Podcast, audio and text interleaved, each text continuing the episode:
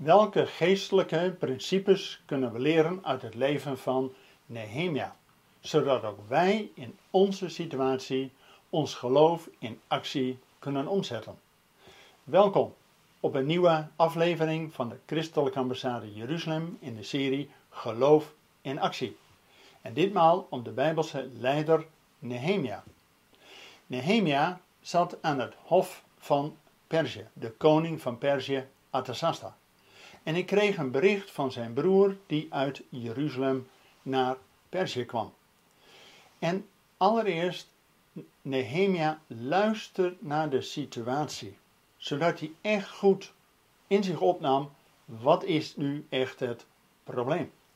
Dat zijn broer zei, de muren van Jeruzalem liggen aan God en de poorten zijn verbrand. En wat doet nu Nehemia? Allereerst dat hij geloof in actie, dat hij een geestelijke voorbereiding treft. Allereerst door gebed, dat hij aan God zijn gebed voorlegt. En er komen de drie V's in naar voren. Dat hij allereerst verootmoediging doet. Verootmoediging, dat hij, en dat lezen we in Nehemia hoofdstuk 1, dat wij hebben gezondigd. En niet alleen Israël, maar ook hij in zijn familie. Hij doet allereerst verootmoediging. En dan de tweede V doet hij voorbeden. En dan lezen we dat hij aan God vraagt om hem te doen slagen bij deze koning. Maar het is niet alleen bidden, ook de derde V van vasten brengt hij in gebed. Met andere woorden, zijn geestelijke voorbereiding is stap nummer 1. Dat is een geestelijk principe voor ons. Dat het begint met een geestelijke voorbereiding door bidden en vasten. En vervolgens neemt hij een plan. En maakt hij een plan. Dat hij daarover nadenkt, maar hij heeft niet alleen een plan, hij wacht ook op de juiste timing. Want bij die koning Artasasta, dat was de toenmalig machtigste heerser ter wereld, je vraagt wel permissie. En pas wanneer ook Artasasta hem daarna vraagt, dan lanceert hij zijn plan.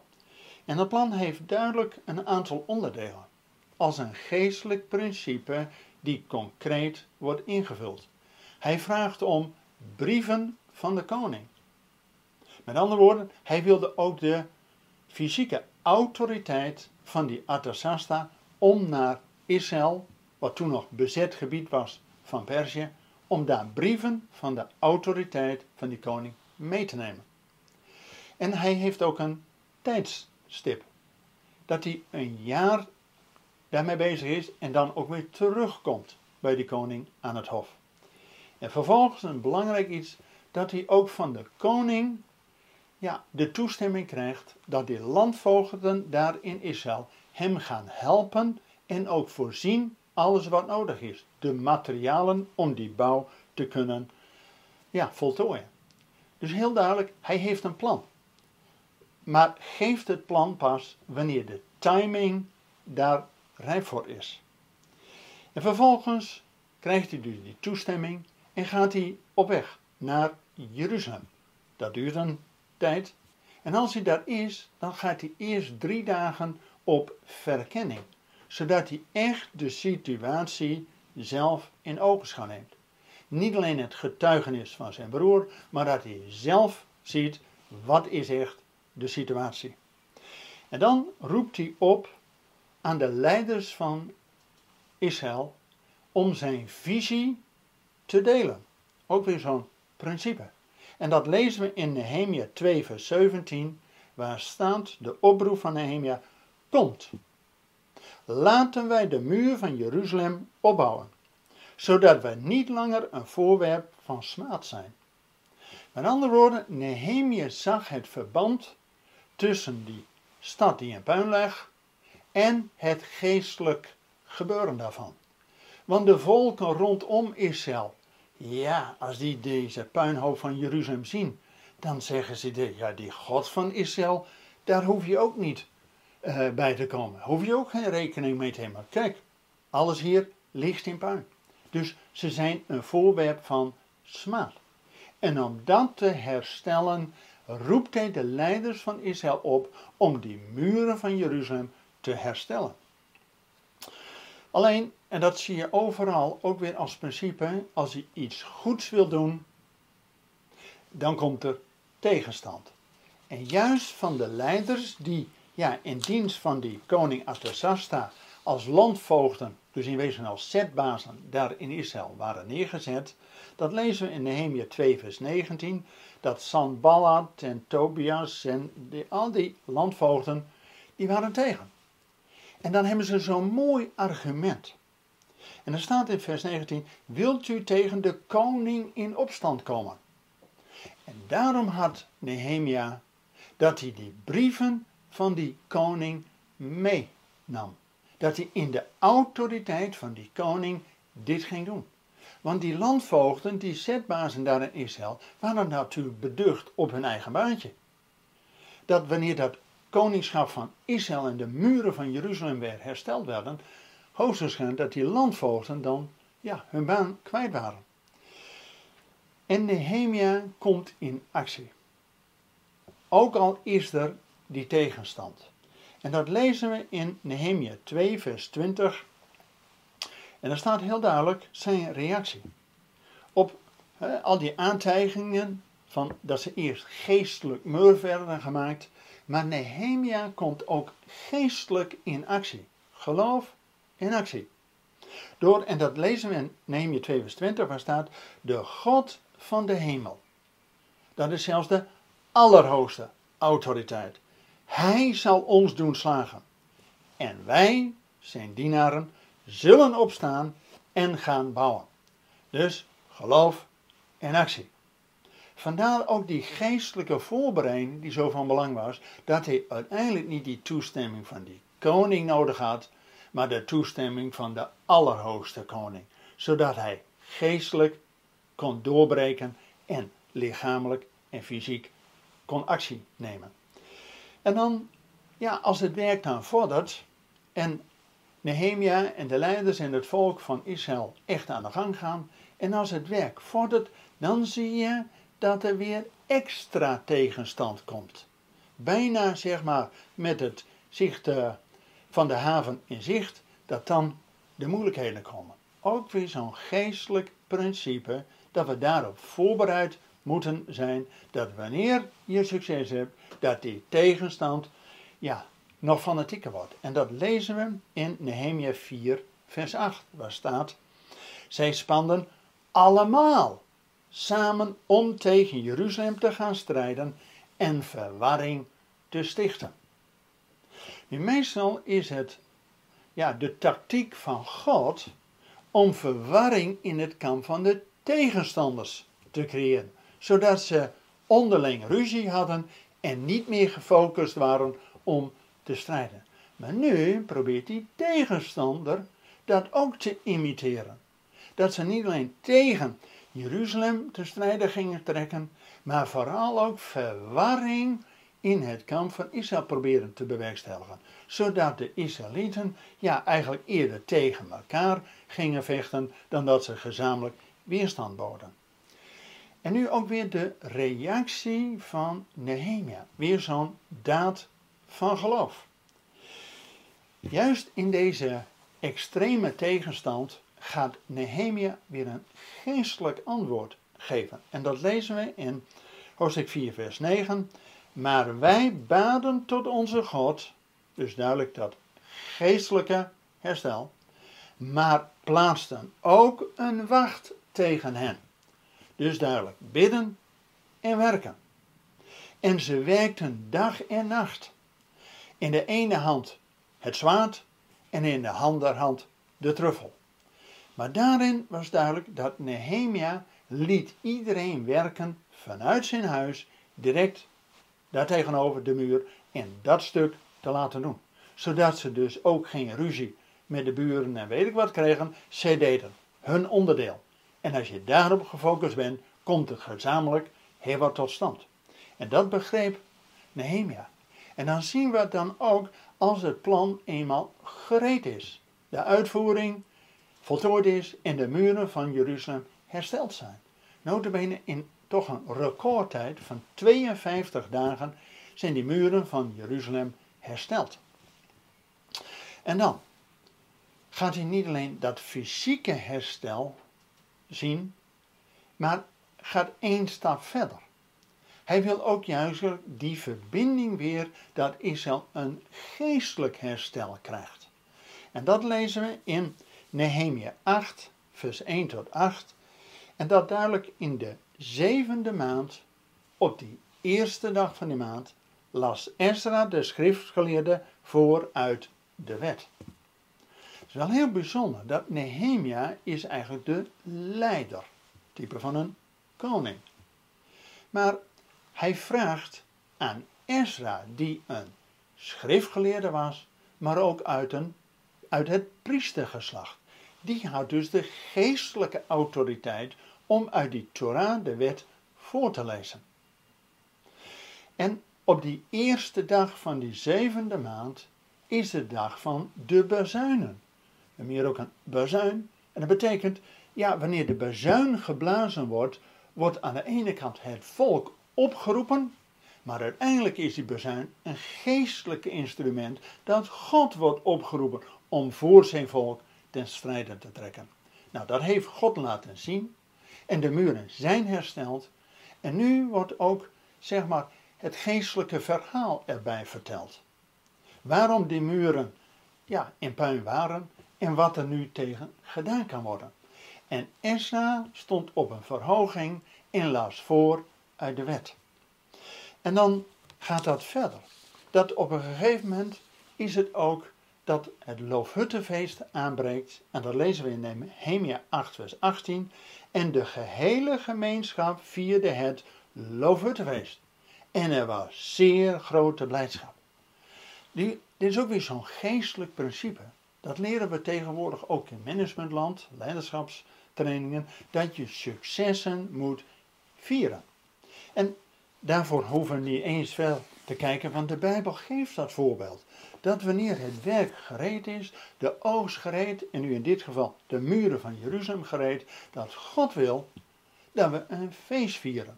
Voor het aangezicht van God, maar met de gehele gemeenschap van Israël. Dus duidelijk ook dat geestelijk principe, als het werk gereed is, vier een feest. Markeer dit als een hoogste punt. Maar na het feest gaat niet zomaar iedereen weer naar huis. Nehemia gaat nog een stap verder om dat geestelijke herstel ook door te laten werken in heel je ja, hart, ziel en in wezen in de cultuur van Israël. En dat zien we, en dat lezen we ook in Nehemia 5 vers 7, dat hij kijkt wat er gebeurt.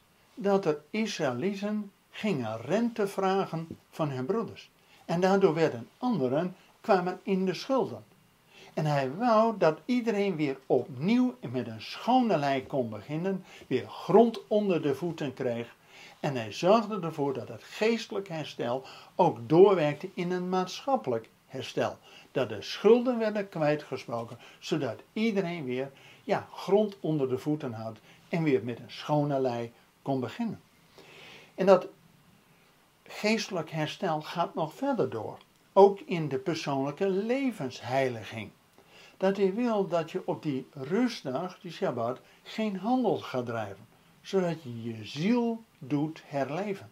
En weer in het woord van God kunt grasduinen. Om de volgende week weer in te kunnen gaan. Maar ook zag hij dat toen Israël weer terugkwam in het beloofde land. En dat er ja, natuurlijk ook allerlei andere mensen wonen, dat er gemengde huwelijken plaatsvonden. En dat was zeer tegen ja, het voorschrift van God. Dus Nehemia confronteerde Israël ermee en de gemengde huwelijken werden ontbonden, zodat Israël weer rein voor God stond, in wezen als een huwelijkspartner om voor God tot zijn volk en tot zijn bruidegom en bruid te worden. En als we dat zo lezen, dat Nehemia een plan had en daarmee die muren van Jeruzalem eerst fysiek gaat herstellen En uiteindelijk weer een geestelijk herstel gaat bewerkstelligen, zodat dat fysieke afval niet weer gaat gebeuren. En als Nehemia dit allemaal gereed heeft, dan lezen we precies op het eind van het boek van Nehemia, Nehemia 13, vers 31, slechts een paar woorden. Is in wezen weer een gebed. Want Nehemia, als je dit allemaal heeft mogen doen voor God, heeft hij maar één gebed. En dat is, en dat lezen we in Nehemia 13, vers 31, waar staat: Denk aan mij, mijn God, ten goede. Dus alles wat hij heeft mogen doen voor God, uiteindelijk is het God die hem die genade daarvoor heeft verleend. En is ook voor ons. Als we die lijn doortrekken, ook in het Nieuwe Testament, alles wat we voor God mogen doen, geweldig om te doen, maar uiteindelijk gaat het erom, en dat lezen we in de openbaring, dat onze namen zijn opgetekend in het boek van het leven. Dat wanneer God ook de volkeren en ook ons gaat oordelen, dat hetzelfde als wat Nehemia bidt, denk aan mij, mijn God, ten goede. En als we deze lessen van Nehemia eerst ook mogen samenvatten, was heel duidelijk dat Nehemia opdracht kreeg en dat ook met zijn hele hart en ziel wilde om te bouwen aan het koninkrijk van God en heel concreet aan het huis van God. En dat zien we door de geschiedenis heen. Dat het niet alleen de Joden zijn, maar altijd in samenwerking met ja, de gelovigen uit de volkeren. En dat begint al bij David en Salomo, die de eerste tempel hebben gebouwd, dat er een heidense koning Hiram van de Libanon, die leverde de ceders van de Libanon om het huis van God in Jeruzalem mee te bouwen. En hier bij Nehemia lezen we dat Nehemia en de Israëlieten bouwden, maar met hulp en materialen van die heidense koning Artasasta uit Perzië. Maar ook in een wat recenter verleden, 1917, toen Theodor Herzl ehm, door Europa ging om ja, ondersteuning te krijgen voor ja, een uh, eigen land voor Israël, dat Lord Belfort uit Engeland hem daartoe hielp. Want hij wist dat toen Engeland het meest en het machtigste land toen op aarde was, dat ze dat niet alleen voor zichzelf moesten doen, maar om Gods volk te helpen. En daarmee ging Lord Belfort samenwerken met Theodor Herzl om in Europa ja, in wezen ondersteuning te krijgen. En dat is later ook in het Britse mandaat verder gegaan. En uiteindelijk is in 1948 de staat Israël ontstaan. Maar als we ook de geestelijke principes van Nehemia nog op een rijtje proberen te krijgen, is allereerst welke stappen heeft Nehemia daarin gedaan. Dat hij begint met te luisteren, te horen naar de situatie. Dus niet zomaar direct in actie te komen, eerst weten wat is de situatie, wat is het probleem. En dan een plan ontwikkelen. Een plan maken, maar dat je ook heel duidelijk de bevoegdheid daarvoor vraagt. Dat hij de timing afwacht om bij die koning te vragen dat hij in de autoriteit van die koning dit mag doen, dat hij een timing zet, maar ook de benodigdheden die nodig zijn om het plan uit te voeren. Vervolgens dat hij ook zijn visie gaat delen met de leiders in Israël. Dus dat hij het breder maakt, dat hij een team daarmee gaat vormen. En dat hij beducht is, wanneer de tegenstand komt, dat hij bij de allerhoogste autoriteit God aanroept. En daarmee ook die tegenstand de wacht aanzegt. En dan dat wanneer het uh, plan compleet is en de muren van Jeruzalem hersteld zijn, dat hij dan de lijn doortrekt en niet alleen tevreden is met het materiële, maar ook een geestelijk herstel wil. En dat hij gaat bouwen aan die muren van Jeruzalem, maar ook in de maatschappij. Dat wanneer de dingen fout zijn, dat hij dat rechtzet. En als we dit ook mogen doortrekken voor onszelf, dat wij niet alleen samen met Israël bouwen aan de muren van Jeruzalem. En daar willen we straks ook een filmpje van laten zien hoe wij ook als christelijke ambassade de Joden proberen eerst terug te brengen naar het land, zodat ook wij samen met hen dat land in Jeruzalem verder mogen opbouwen. Maar we mogen ook de lijn doortrekken dat we mogen bouwen aan de muren van onze, voor onze eigen bescherming. Van ons gezin, van onze familie en het werk wat we mogen doen. Ook voor onze eigen stad mogen wij bidden. En daarin ook bouwen aan het koninkrijk van God.